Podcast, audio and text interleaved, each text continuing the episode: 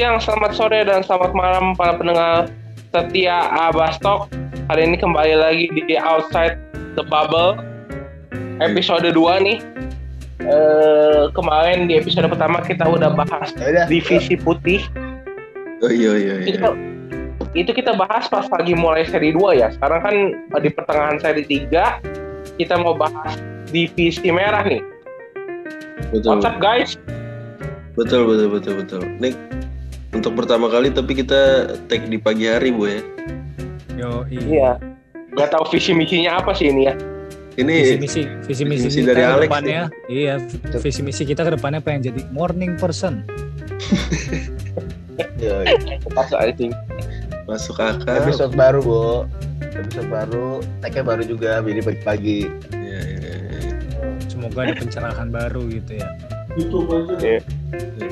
Eh, ini sebelum kita bahas tentang divisi merah, gue pengen nanya nih, lu lu pada udah mulai jenuh belum? Ini IBL kan udah masuk istilahnya minggu ketiga, yang kalau kalau kata orang kan kalau nontonnya tiap hari bisa bosen nih. Lu pada gimana? Bosen atau enggak?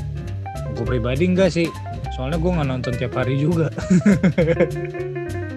Lu Chan, ya, Lu gimana dulu? Gue juga, gue cukup, ya soalnya gue lumayan intens lah, gue satu, misalnya setiap hari tuh bisa dua game, tiga game gitu nonton walaupun nggak semuanya full, jadi ya gue cukup setuju sih kalau dengan kata jenuh ya. lu Chan, Gue nggak bosan sama sekali sih karena kan di jadwalnya juga juga ada satu pertandingan yang eh ada satu hari yang satu pertandingan doang. Terus yang, yang biasa aja sih nggak bosan-bosan banget. Mungkin yang yang ngejalanin official lain-lainnya kali yang bosan kayaknya. Iya. Karena harus Gua juga- tim-timnya gitu-gitu. ya kalau gue kalau gue berusaha menikmati sih, soalnya kan ini reguler kan tinggal berapa hari lagi ya? Hampir cuma nggak nyampe dua minggu lagi ya.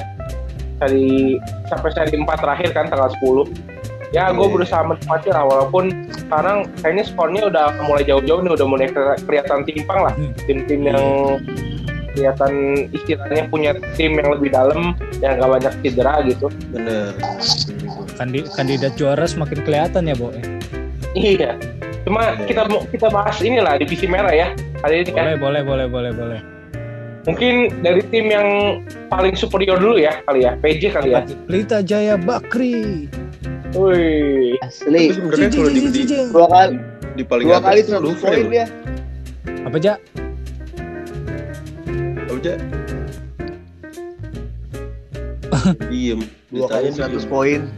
Dua game Oh, dia. dua kali Oh. 100 poin. Iya, iya, iya. Kemarin sama satu lagi apa? kemarin sama awal lawan tuh.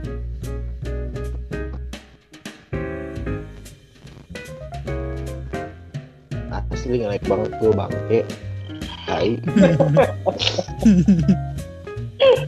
ya udah mulai dari gua kali ya. Kesel sendiri. Gue jadinya. Iya kalau mulai, mulai dari gua kali ya. Kalau kalau kalau menurut gua PJ eh, so far ya so good lah ya. Walaupun eh, mulainya agak telat terus sempet kalah cukup jauh dari Satria Muda. Tapi menurut gua eh, sampai sejauh ini sampai ini tag tangga eh hari Senin ya setelah kemarin dia menang 55 poin lawan Louvre kali ini kita tag di Senin pagi. Eh, sejauh ini ya penampilannya ya unstoppable lah ya. Secara squad emang mereka dalam banget.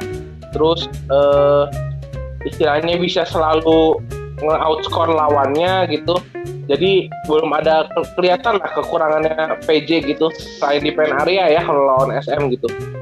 Hmm, setuju, setuju, belum. setuju. belum belum ada kelihatan kekurangannya gitu kalau misalnya selain lawan SM ya pasti cukup cukup produktif eh, guard-guardnya terutama eh, Prastawa, Regi, Agassi ya ya kelihatannya cukup dominan lah di PJ musim ini ya.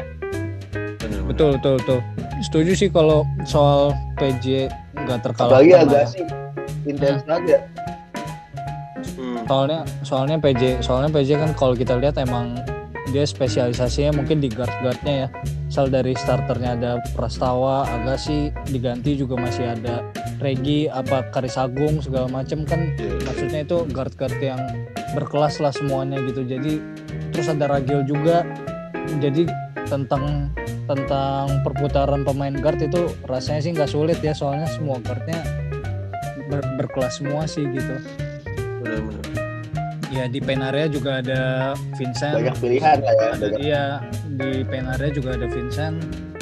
Ya tapi mungkin sedikit kekurangan lah ya di pen area mungkin dibandingkan sama SM gitu. ya, ya. coba kita langsung tanya aja ke Vincent nih gimana Sen kita apa lu Nah. merasa kekurangan Sen di Iya. bukan bukan ini Vincent iya. Manahem. Rimulat terus Rimulat terus Lu gimana Chen? gua kalau gue sih masih penasaran pengen lihat PJ ketemu tim gede ya kan bukan bukan yang la- lagi cedera kayak kemarin tapi kayak Indonesian Patriots kayak Prawira masih pengen lihat sih menurut gua gimana dia ngatasin pen area mereka kayak waktu lawan SM apakah mereka bakal berbenah atau masih sama aja? Ya kita lihat aja sih maksudnya. Kalau misalkan tapi tim gede yang dengan dengan big man yang cukup em, rotasinya bagus gitu gue takutnya jadi kayak eh, tim timpal sih maksudnya jadi kayak ketahuan si PJ tuh eh, ada kekurangan di big man di di paint area-nya itu sih Iya, iya, iya, setuju. Gak sabar juga nungguin PJ ketemu tim gede. Soalnya kemarin PJ juga pas ketemu Lovre sempet itu juga sih ngap-ngapan ya di satu atau dua quarter awal sempat di full press kan sama Lovre. Hmm. itu itu dia Lu gimana aja? Ya, gimana ya? tapi tapi kalau misalnya tadi Vincent bilang ketemu Indonesia Patriot gitu ya gua eh gue yakin match up-nya bakal ngaco banget sih match up-nya karena kan kita sama-sama tahu Indonesia Patriot juga guardnya gokil-gokil gitu kan. Wingman-nya juga oke. Yup. si PJ juga kayak gitu gitu kan. Nah, tapi nah mungkin kalau menurut gue PJ sama Patriot sama nih sama-sama insight-nya nggak begitu dominan lah. Instead, kita cuman bisa dibilang sebagai supporting aja gitu kan gue bakalan gamenya bakal cepet banget ya bakal semuanya lari semua ngebut semua gitu kan Hmm. dan gue harap gue harap sih bakal field goal three, three point field goalnya bakal di atas 30% kali ya dengan squad yang kayak gitu ya. bisa jadi bisa jadi Apa? apalagi apalagi dari dua game kemarin kan Agassi buset itu gue nggak ngerti lagi Agassi jadi jago banget dia sekarang Agak kadabra ya? Asli. Magic. Kan bukannya emang jago, Lek dia, Lek. Apa? Bukannya dia jago kan? Em- Emang Emang jago. jago. Emang jago. iya maksud, tapi maksud gue bu eh, kan bu gimana ya lu di eh, mungkin di IBL kemarin gue kalau di kemarin dia 19 poin ya kalau nggak salah Hmm, Ya 16. rata-rata segitulah. ya rata-rata segitu kan maksud gue di beberapa game dia maksudnya gokil banget gitu buat di apalagi di dalam squad PJ dia juga guardnya kan dari kita udah bahas juga kan cukup banyak maksud gue Hmm. dan dia bisa ngebuktiin dengan field goal dia yang oke banget gitu dengan adanya Prastawa, Regi, terus si siapa tuh yang timnas gue lupa lagi namanya Ragil Ragil Ragil. Govinda ada Govinda Hmm. ada Ragil wah ada tapi kena Agassi tetap dia membuktikan kelasnya Bo maksud gue Ya, dengan rataan poin segitu benar-benar. Iya, iya. Iya sih gue.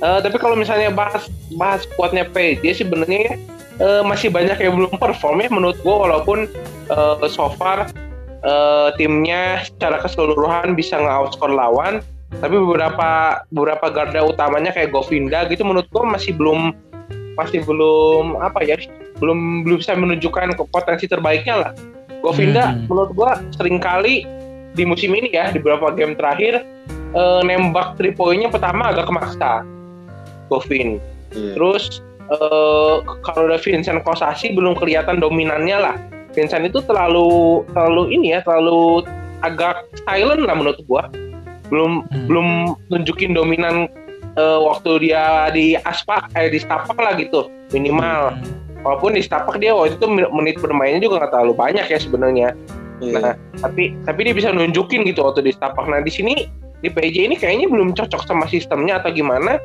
Cara offense mungkin dia belum terlalu ikut banyak andil ya kalau gue lihat ya Ya, di Vincent ya. setuju.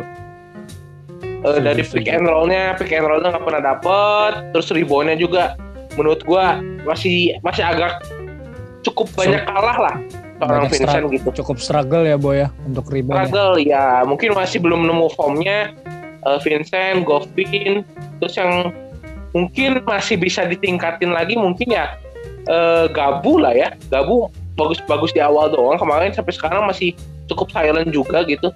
Mungkin masih bisa ditingkatin lah Gabu. Sisanya sih menurut gue cukup oke lah. Apalagi gue suka banget sama Regi ya. Regi kayaknya musim ini bisa jadi penambal yang oke eh, Hmm. buat Prastawa dan Agassi lah da- dari segi skor ya. Scoring. Nah Regi bisa nambah lah di situ. Benar, benar, benar.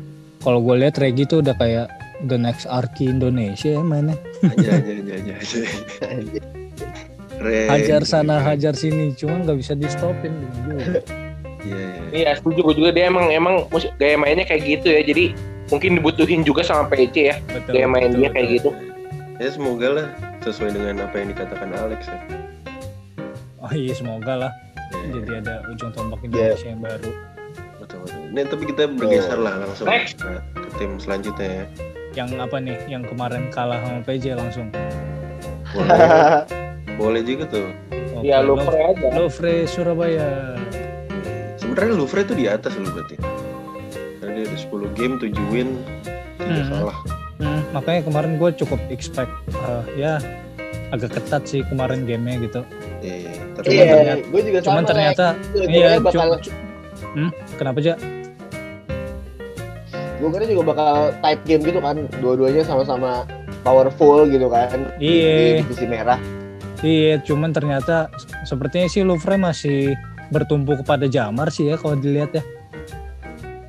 Iya, bener. Maksudnya Jamar Jamar Still. cukup berperan banyak lah terhadap Louvre gitu. Dan game kemarin juga Kevin Moses juga lagi underperform kan. Makanya Hmm, anjlok banget Mhm. skornya. Ya. Yang notabene di beberapa game yang lalu sih skornya fantastis ya Kevin Moses ya. Iya, dari game sebelum game lawan PJ kan dia 31 poin kan, MVP mode dia. Eh, next game bubar. Iya, iya, iya. Itu terbukti dia butuh teman-teman yang mendukung sih berarti.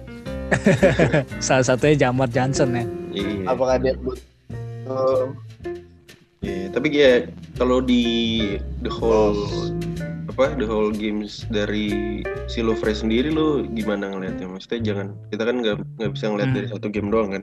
Betul betul betul betul. Kalau Kalau kalau gua sih liatnya oke sih ya maksudnya gua gua cukup melihat Louvre sebagai salah satu kandidat juara lah gitu. Hmm. Cuman ya mungkin kemarin pas lawan PJ nggak ada Jamar juga kita nggak bisa ngomong juga sih ya soalnya kan untuk squadnya Louvre juga lumayan gitu ya Hmm. lumayan lumayan kuat terbukti juga kemarin lawan SM menang kan ya waktu itu ya Udah. Mm-mm, Benar. makanya gue cukup lihat Louvre sebagai salah satu kandidat juara lah Ya, ya, ya. ya tapi dan ya sialnya soalnya gue kalau dan gue sialnya juga Sandi Sandi cedera sih Nah itu juga kehilangan juga kan. Iya, itu juga Hmm. tuh. Lu gimana aja?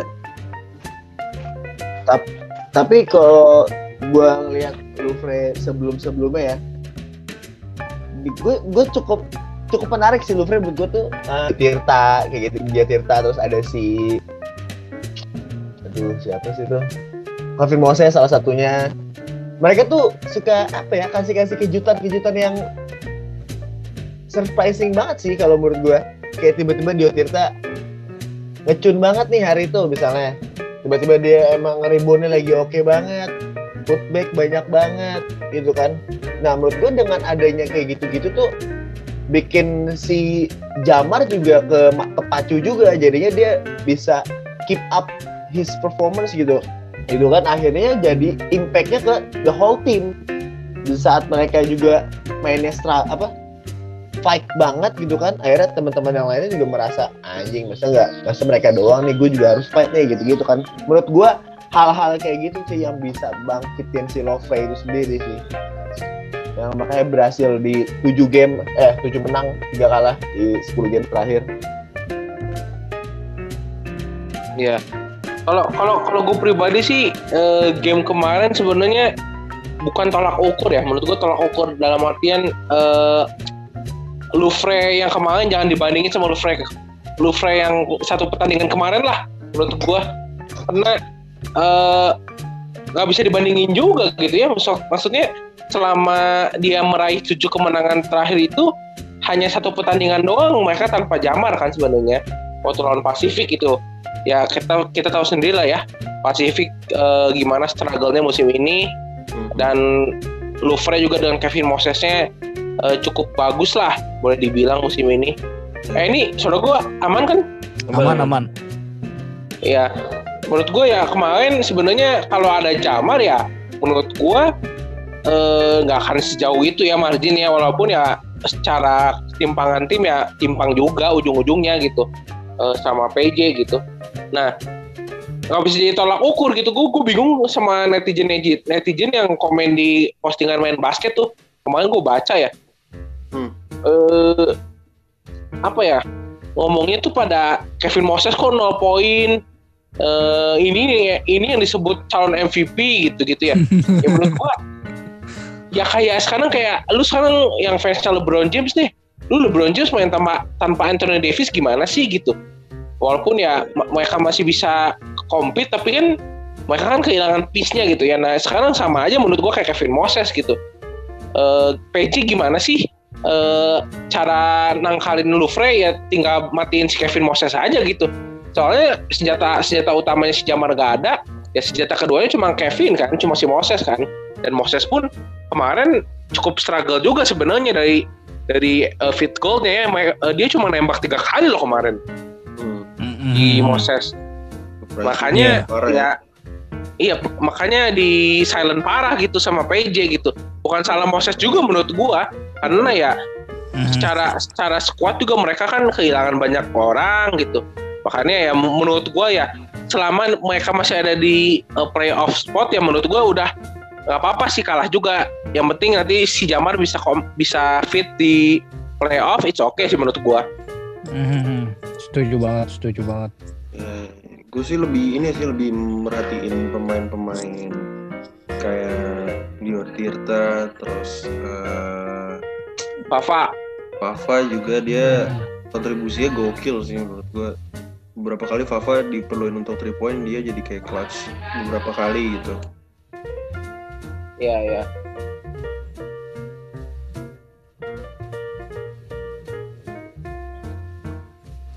Halo? Oh, ini si, si Vincent suaranya pasti ada orang ya?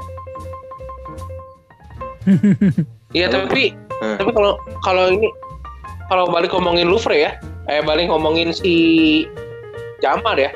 Ya susah juga ya kalau misalnya lu sebagai satu tim, terus lu tiap pertandingan lu tergantung sama satu orang yang eh, boleh dibilang dia selalu main full gitu. Sekarang eh, dibutuhin dalam pertandingan penting dia nggak ada sama sekali. Ya ibarat lu kehilangan setengah nyawa lu ya. Buat Iya. dibilang ya. ya ya Iya, betul, Ini- betul, ini betul. kalau gua analogiin bahwa ini kayak ini Bu. kayak Miami Heat final kemarin terus Jim- Jimmy Butler nggak main nah begitu tuh jadinya tuh. Iya, iya. ya. For your info- Iya, Butler. for your information aja nih, menit per gamenya Jamar tuh 35,99. Hampir full ya berarti ya. Anjir. iya makanya ya kita- kadang kita pakai 40 menit kan ibaratnya berarti Jawa main 30 ya 36 36 menit lah itu dia But, Butler kemarin pas final dia main rata-rata menitnya tuh 43 apa 44 gitu Hmm. plus dia ke Gimana kehilangan deadly shooter nyender mereka gitu. di abort ya Iya. Iya, makanya. Eh, Oke lah, kita bergeser ke tim lain lah. Siapa nih? Siapa? Bali dong, Bali. Bali, Bali. Boleh Bali, Bali. Bali. Ya. Dimulai dari siapa nih Bali nih? Yang mau ngomong. Like dulu, like. Siapa ya? Reja deh, Reja, Reja. Ayo, Ja. Gua jadi. Bali United. Aduh. Ngomong dari mana ya Bali United ya? Dari Daniel Wenas kali ya? Kan nggak main anjing. Kenapa lu mau ngomongin apaan? Banyak endorsement yang masuk. Eh, iya kayak gitu. Apaan aja? Aduh, Bali United gue kalau gue yang ngeliat Bali United gue suka sih leadershipnya Koming sih di Bali United sih. Dia sebagai veteran gitu kan, dia bisa apa ya? Dia bisa tempatin dirinya tuh di in the right time, in the right place. Itu tuh yang Asik. menurut Keren, gue iya apa ya sal- jadi salah satu eh, gimana ya kayak Koming ini udah bu- udah bukan udah nggak peak lagi lah performance-nya cuman Hmm. dia tetap eh, fight buat nih loh gue tuh kayak gini nih kapasitas gue kapasitas gue tuh bisa begini loh gitu loh yang menarik gitu loh dari Bali United tuh kalau gue ngelihatnya sama satu lagi nih sahabatnya Alex Joseph Desmet yoi, Yoi. Hmm. Sahabat Joseph. Desmet ya sebenarnya yang gue lihat kan akhirnya mungkin lebih hype si Winston ya gitu kan pas dia di uh, pas di announcement sama Bali United cuman ternyata di saat regular season Joseph Desmet adalah bisa dibilang guard utamanya Bali United gitu kan mungkin setelah Jericho Hmm. Nah, menurut gue itu sih jadi cukup surprising gitu. Joseph Desmet dan juga Koming yang bisa masih keep up his performance sih kalau menurut gue. Ya, Hmm. Gila Chen dia lupain The Baby Assassin Chen. makanya gue dari tadi udah pengen ngomong itu. Bagian gue tuh, bagian gue tuh. Bisa lu. Kita harus sikat. sikat. Lu gimana bu? Lu gimana bu? Berarti. Ya kalau kalau gue jelas ya gue eh, mengamati banget nih Bali United dari awal pertanding istilahnya awal pertandingan mereka pertama di IBL sampai sekarang Ya. udah istilahnya eh, menuju kemenangan keempat beruntun ya. Nanti siang kan non Pasifik nih. Ya Yes. di atas kertas menang lah ya. Di atas kertas mereka menang. Eh, menurut gue momentumnya momentum cukup baik lah untuk Bali ya. Eh, untuk mencapai istilahnya zona playoff yang tadinya menurut gue bukan menurut gue ya. Men- menurut statistik ya Bima Perkasa lebih better lah ya waktu di awal musim di Ya. dua seri pertama gitu. Tapi di seri ketiga ini istilahnya di tinggal satu seri tengah lagi Bali United punya momentum yang menurut gue eh, agak susah dihentikan kalau misalnya mereka main kayak kemarin-kemarin ya. Hmm. Eh, di seri kedua kemarin menurutku titik titik baliknya Bali sih menurut gua.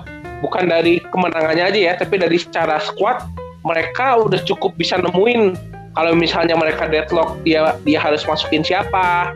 Terus kalau misalnya si eh, A misalnya si A jelek harus masukin siapa gitu. Kayaknya si coach Stefanowski udah mulai nemuin nih celah-celahnya nih. Kayak kemarin gua ngelihat Joseph Desmet agak silent ternyata Winston bisa ngegantiin lah.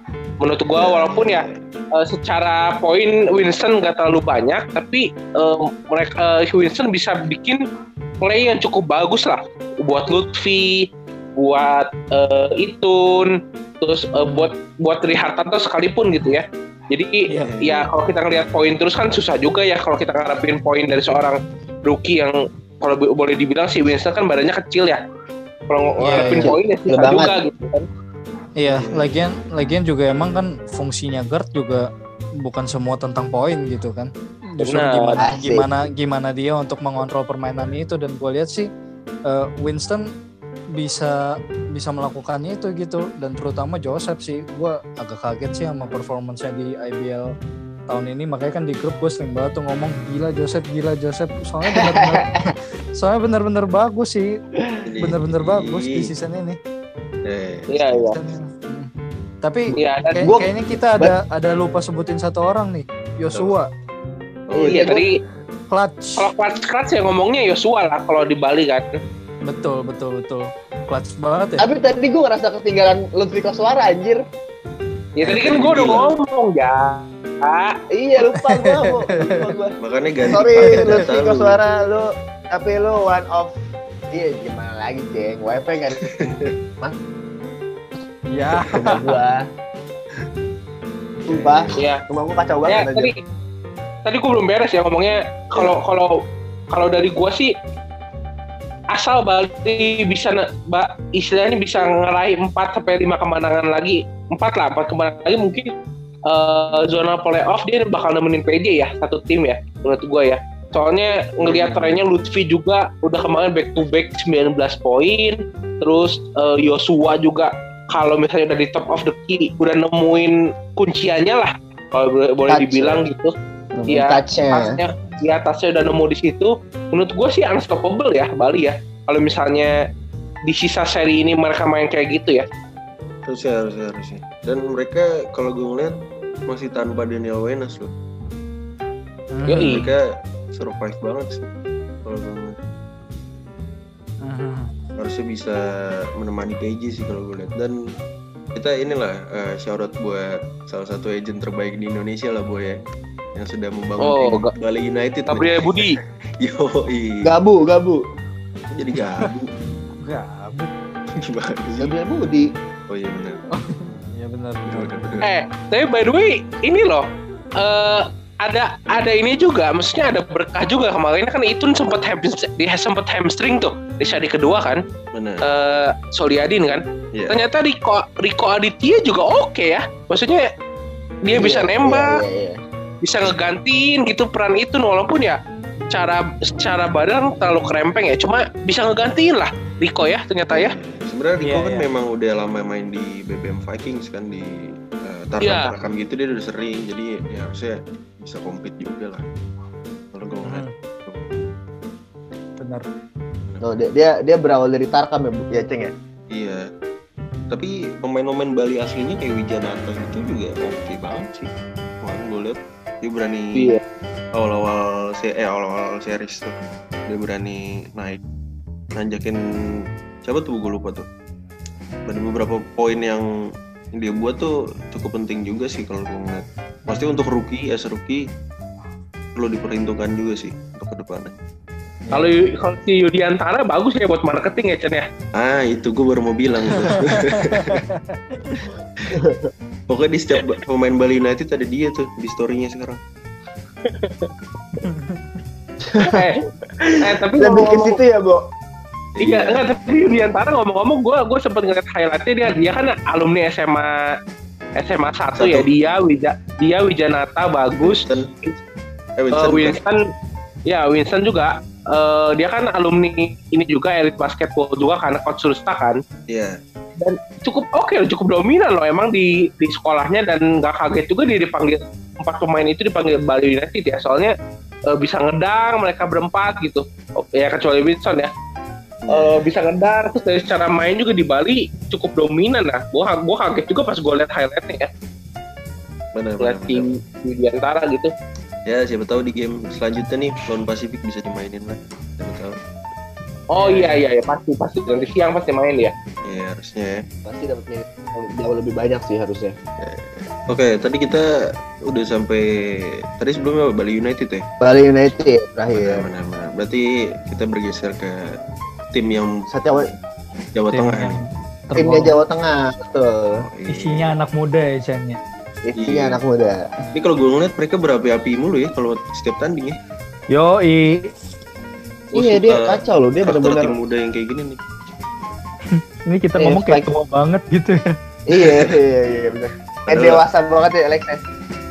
Iya, iya. kalau gue lihat sih si eh, Satya Wacana ini tanpa And- Andre Adriano sama Cio Mano Putih mereka masih bisa se masih bi- masih bisa menang 4 game tuh cukup wah sih menurut gue.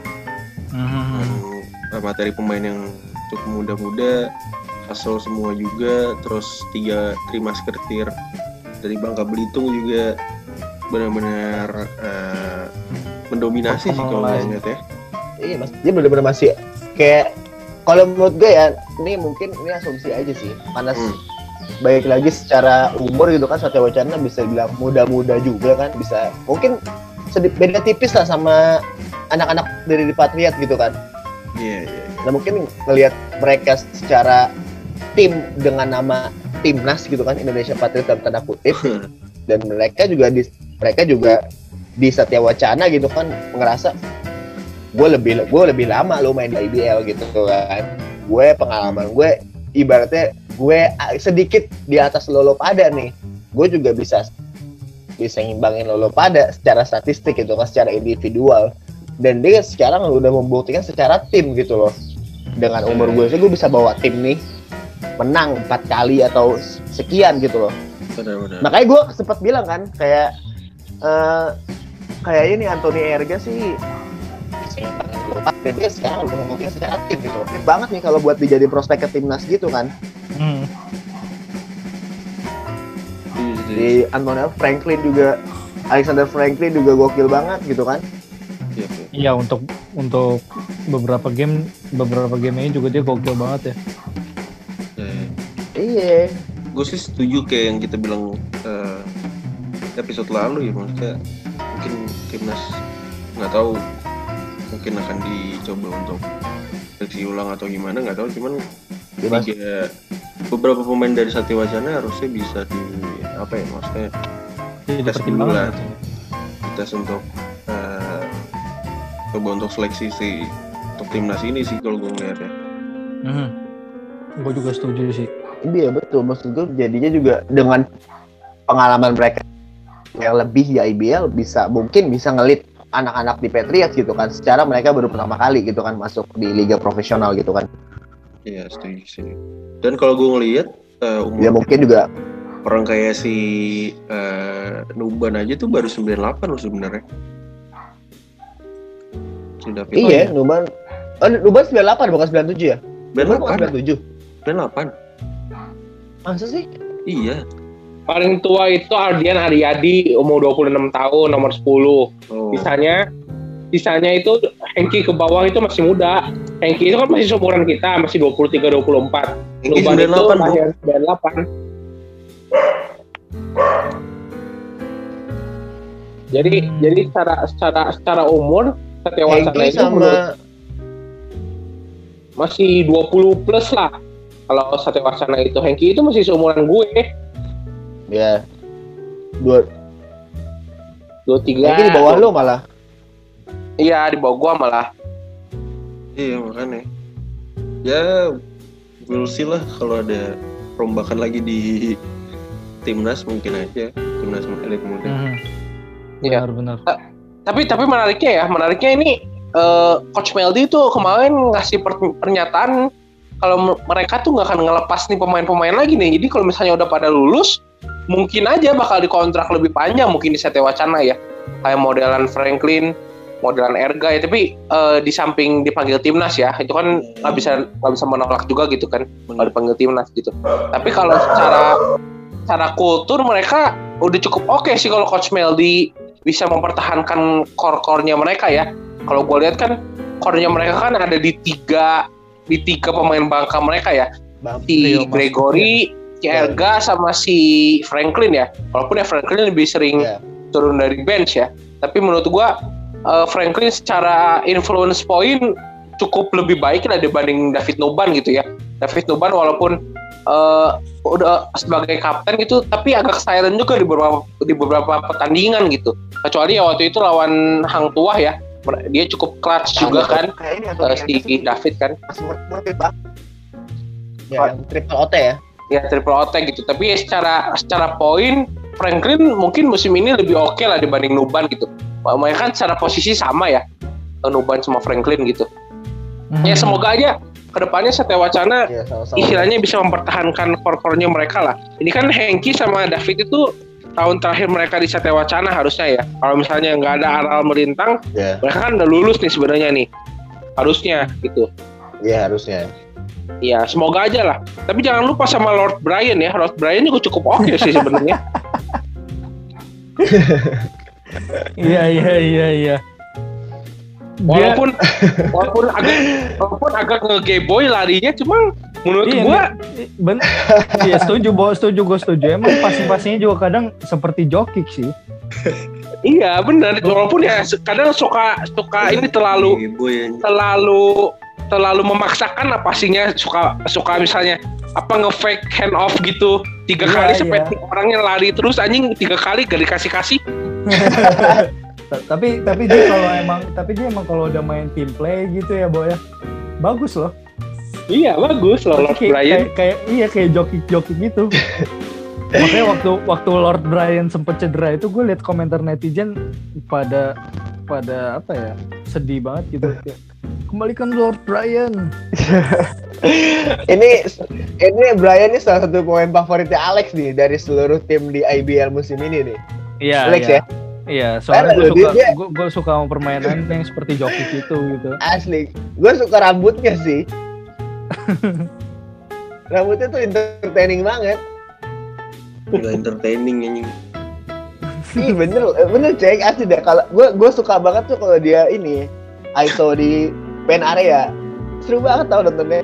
kalau lu gerakannya kayak yang- Iman Jampert nggak apa-apa tuh lah rambutnya kayak gitu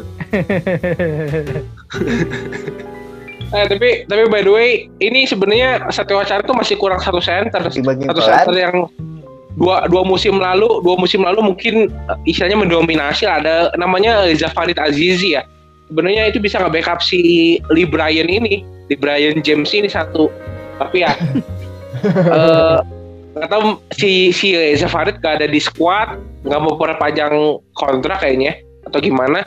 Jadi kayaknya agak kurang kurang kuat gitu di senternya ya. Si back, si backupnya kan si Anjas sama si Randy kan badannya masih kurus krempeng kan. Jadi belum bisa ngegantiin si Lee Brian lah Lee Brian James ini satu kan. Iya betul betul. Tapi kalau kalau gue pribadi untuk gue yang gue lihat di Satya Wacana sih ya tentu pasti ya bukan yang meremehkan ya cuman di season ini ya tentu agak susah untuk compete sama tim-tim besar. Cuma mungkin harapannya untuk ke depannya sih ya soalnya kan mereka masih muda. Gue yakin sih ke depannya ya bisa membuahkan hasil yang baik lah kalau emang ini semuanya bisa bersatu terus gitu. iya iya iya next Bima Perkasa lima perkasa Bima Bima Perkasa, Perkasa. Jagoan gue Isman Toib. Bang Toib. kalau kalau kalau kalau dari gue mereka sudah sekarang sekarang mereka sudah merasa nih kehilangan Nuke Trisaputra sih menurut gue ya di Benar, di- di- benar. di tren buruknya sekarang kan lagi eh, tiga kekalahan beruntun ya Hmm. ya mungkin nanti ada ke- ada kekalahan keempat hari ini kita nggak tahu dan kita kita naikinnya besok nih hari Selasa nih ini kan eh, di teks sebelum pertandingan. Kita nggak tahu kalau misalnya besok hari ini dia kalah lagi untuk keempat kalinya gitu. Tapi menurut gua David Singleton cukup kehilangan Nuke Trisaputra lah. Mulai kerasa lah. Walaupun di seri-seri awal mereka cukup dominan mereka bisa menang eh, dari Louvre bisa menang dari siapa gitu. Tapi mereka sekarang udah mulai ngerasa nih kalau misalnya mereka buntu mereka nggak bisa manfaatin Indra Muhammad terus. Mereka nggak bisa manfaatin Iya. Muhammad Febri Utomo yang eh, umurnya udah mulai angka 35 gitu. Mereka masih butuh nih model-modelan Nuke yang bisa drive cepet bisa nembak clutch gitu. Mereka cukup butuh ya sekarang ya kalau gua lihat ya. Apalagi apalagi kita lihat kan kasihan juga ya si Azarian Praditya si si Indra gitu tiap tiap tiap butuh scoring mereka yang harus uh, keep up si Bima Perkasa gitu. Nggak ada opsi lain gitu kan untuk scoringnya Bima Perkasa gitu kan. Hmm. Benar, menurut benar. gua si eh, dari gue setuju sih sama Abu maksudnya ke- kehilangan si Doko banget sih kalau gue ngeliat. Cuman sampai sejauh ini dia mereka bisa menang 4 pertandingan dari 9 game. Itu Oke lah ya, Singleton gue oke sih dengan pemain-pemain ada Febri juga kempling yang eh, bisa jadi leader juga Toib yang beberapa kali reboundnya dan sama defense-nya juga penting untuk Bima Cukup Perkasa cukup juga. membantu lah. Cukup Iya, membantu. Nah, tapi gue gak tau gue kalau nggak salah ada rumor si David Singleton tuh di kontrak sama tim Kanada baru gitu. Jadi kayaknya iya dia kan cuma sampai sini doang sampai beres IBL ini kan iya beres Di IBL itu sih. Gitu sih kalau gue harusnya gue nggak tahu ya mungkin kalau beberapa game mereka bisa berbenah gitu di eh, di eh, beberapa game sebelumnya mungkin mereka bisa jadi kuda hitam selanjutnya sih. Justru dia justru di awal-awal gue ngiranya Bima Perkasa bakal jadi itu tuh bener kan? Apa kuda hitam kan? Kayak yang ngasih surprise gue gitu kan? Ternyata awal awal bener sih dia ngasih surprise cuman dia hampir sama kayak Prawira nih makin ke sini makin turun performnya kalau menurut gue Sebenarnya gara-gara cedera sih kalau Bima Perkasa menurut gua ya. Soalnya kemarin momentumnya itu ada pas lagi mereka kalah sama apa ya? Yang istilahnya eh, tren mereka mulai negatif tuh gara-gara si Febri cedera. Terus Galang itu eh, nggak tahu kenapa waktu itu katanya nggak bisa main lawan Louvre ya. Nah dari situ udah mulai turun ya menurut gua trennya. Dari mulai banyak yang cedera kayak Restu Tivan juga cedera sempat dua pertandingan kan. Itu mulai kerasa sih menurut Iya. gua. Kehilangan beberapa pemain eh, utamanya gitu. Agak turun trennya momentumnya mulai hilang lah menurut gua di Bima Perkasa ya. Apalagi mereka harus ngadepin Isman Toib main 34 menit sampai 35 menit per game gitu kan. Kasihan juga Pak Pak Toib gitu kan. Emang menyesuaikan sama umur ya bu jadi poin apa menit per game tuh disesuaikan sama umur Iya, terus terus gue juga menurut gue ya Bima Perkasa tuh kehilangan Restu juga. Restu itu salah satu pemain yang menurut gue di di front di front courtnya Bima Perkasa yang bisa scoring gitu. Menurut gue kayak Galang sama Ismail Toib itu bukan pemain offense ya menurut gue ya. Kayak Galang sama Toib tuh ya. Jadi Jelas, cukup jelas susah bukan. juga Iya. ya cukup susah untuk ngarepin eh, apalagi Galang ya. Galang kan dari zamannya Garuda, dari zamannya Satria Muda kan bukan pemain yang bisa offense cukup baik ya. Kalau Galang itu. Makanya cukup kehilangan juga kehilangan Restu Dwi Purnomo ya. Dari segi scoring di bawah ring sih menurut gua. Setuju. Ya, ya walaupun waktu itu Restu eh, gak masuk ya free throw-nya ya, berapa kali ya yang bikin kalah juga sih sebenarnya. cuma ya cuma ya secara secara play mereka kalau ada restu masih cukup ada opsi ya di bawahnya gitu Benar. apalagi benar, sekarang benar. mereka punya rookie yang cukup bagus kan si Samuel Devin itu Samuel Devin itu kan Betul. DBL Camp 2015 kan sama Winston itu kalau nggak salah ya Hmm. Ya makanya buat netizen tuh kalau kalau nilai tuh lihat fullnya gitu ya, Boy ya. Maksudnya jangan lihat dari Oh, free throw-nya satu itu gue lihat yang restu. oh restu free throw bisa, yang nggak masuk bisa. itu netizen udah pada bilang apa namanya? Aduh, restu yang gak direstuin jahat banget netizen. nggak bisa les nggak bisa lu nggak bisa hilang kayak gitu aja dari permukaan netizen Hmm. lu mau bikin seribu poin pun kalau free throw lu free throw clutch lu nggak masuk itu yang dibahas percuma seribu poin lu hilang Percuma aja ya. lu tau sendiri nih iya percuma jadi lu mending lu terima aja iya emang gua emang gua lagi ngaco menurut gua nggak masuk udah paling bener kalau lu ngelak-ngelak terus lu bakal kalah Emang Reja sangat paham di dunia sosmed sih. Like, Iya. Kan dia endorsement kan banyak. asli Iya, mungkin dia Iya, makanya, jadi kali ya, paham sama Iya, netizen banget gitu. Banyak pernah pernah ya. gua gua pernah ya follower Instagram gua pernah sampai lima ratus ribu Ben. Hmm. emang gua blunder emang gua blunder jadi tinggal seribu sekarang Oh. Hmm. jauh ya turunnya jing Daripada Jauh ngomongin daripada ngomongin followers lu mending kita ngomongin Pasifik nih. Nah, Terakhir. terakhir nih berarti ya. ya sok siapa yang mau mulai Pasifik Gua bingung. Lo ja, mau ja. kita berangkat dari inilah ujung tombaknya Pasifik lah. Siapa tuh? Yonatan. Yonatan Ake Kae. Oh kayak ya? Alah lagi. gue kira Ake aja Yonatan ini kalau nggak salah ya musim kemarin tuh dia bener-bener apa ya? Pokoknya musim sebelum ini tuh dia struggling banget gitu kan? Yang kayak bisa dibilang masih ya masih bingung lah gantung mau- doang gantung doang nggak bisa main Ya, ganteng doang, jemput cewek depan gang gitu kan. Nah, di musim ini kaget gua. Sumpah dah. Di awal-awal musim dia bisa waktu itu kalau nggak salah dia pernah ya eh, poinnya dikit, cuman dia reboundnya belasan. Mungkin dia average-nya reboundnya lumayan banyak sih kayaknya nih. Coba nih gua banyak dia hampir hampir double double average-nya Iya, maksudnya di bagian reboundnya dia gitu loh, oke banget. 7,56 lumayan lah. Kalau Poin per lumayan game juga juga. Iya sih, poin per game juga 9 kan, oke juga, oke banget malah. Hmm. Improve banget dia. Mungkin kalau eh, worth it ya kalau dia masuk ke nominasi most improve.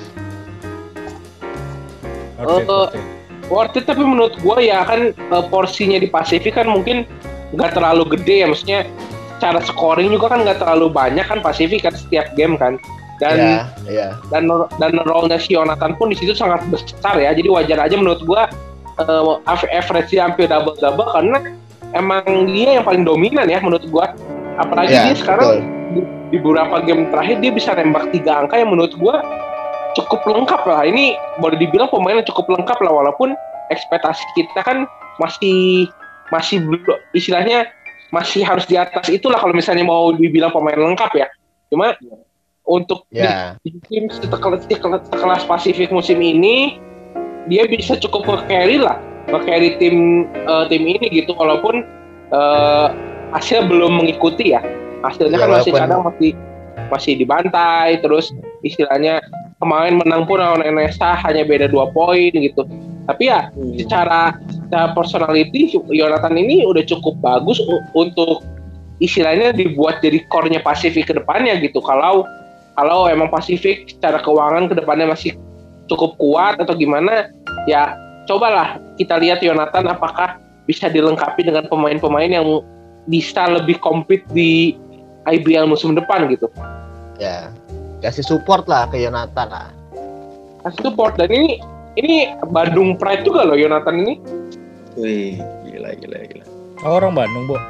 orang Bandung Yonatan ini jadi Enggak, ini Prawira nggak ada niatan buat rekrut Yonatan, Bu. kalau kalau misalnya emang di sampai akhir musim ya kita sampai seri 4 ini kan dia waktunya bentar lagi untuk main ya sampai akhir musim bisa terus konsisten why not sih menurut gue ya? Karena cara pemainnya dia cukup modern dia bisa nembak tiga eh, istilahnya anaknya juga rebound rebounder abis gitu pengen pengen dominan juga di pen area gitu. Ya nggak ada salahnya juga sih menurut gue ya untuk dicoba gitu. Apalagi untuk tim-tim ya jangan ke Prawira dulu deh menurut gue ya untuk kalau mau nyari menit play ya.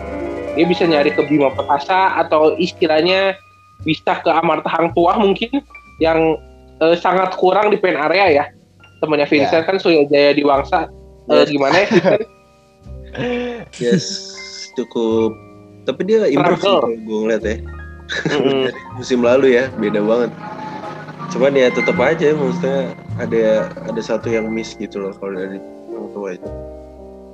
Kalau gue ngeliat. Tapi kalau si kita balik lagi ke Pacific Caesar, gue ngeliat pemain kayak eh, Gabriel Senduk, terus uh, Dio Fredo, Ben Gartes sama si Yosef Wijaya juga. Mereka sebenarnya oke sih kalau gue ngeliat eh, oke oke. cara mainnya. Maksudnya cuman kayaknya hmm, mungkin kalau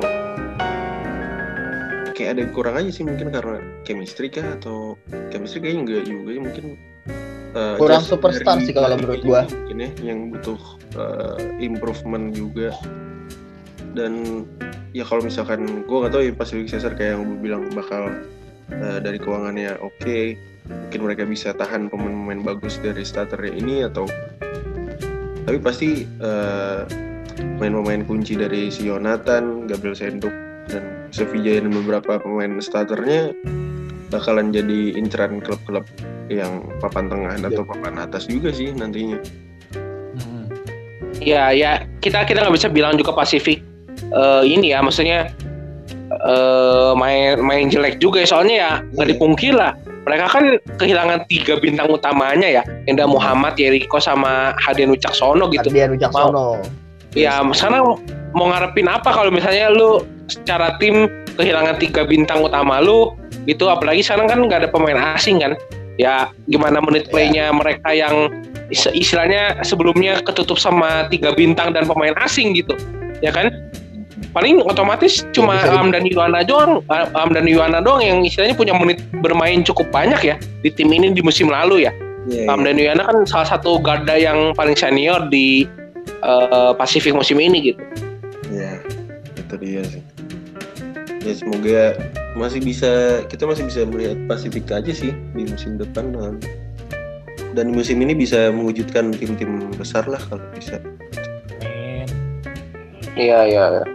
Nah, ada mau nambahin lagi gak? Kalau udah kita tutup aja. Cukup. Apalagi udah ya, udah Cukup, semua tim cukup. ya? Udah semua tim bukan sih? Udah. ya? Udah, udah, udah, udah. Ya. Mungkin ini sih kalau gue ngeliat eh, akhirnya IBL menampilkan sosok Wulan Guritno nih di iklan nih, wih. Waduh. Akhirnya kita gak ketemu si ini lagi. Siapa tuh? Apa? Aduh. Apa dia? Dista. Dista bener, Dista. Yo, Dista lagi, Dista lagi. Yang penting Erick Thohir gak apa-apa lah. Beda gitu kan Wulan Guritno gitu dong. Ya udah. Thank you semua yang udah dengerin ya. Sampai ketemu di next episode. Dadah. Dadah. Thank you semuanya. Happy Monday.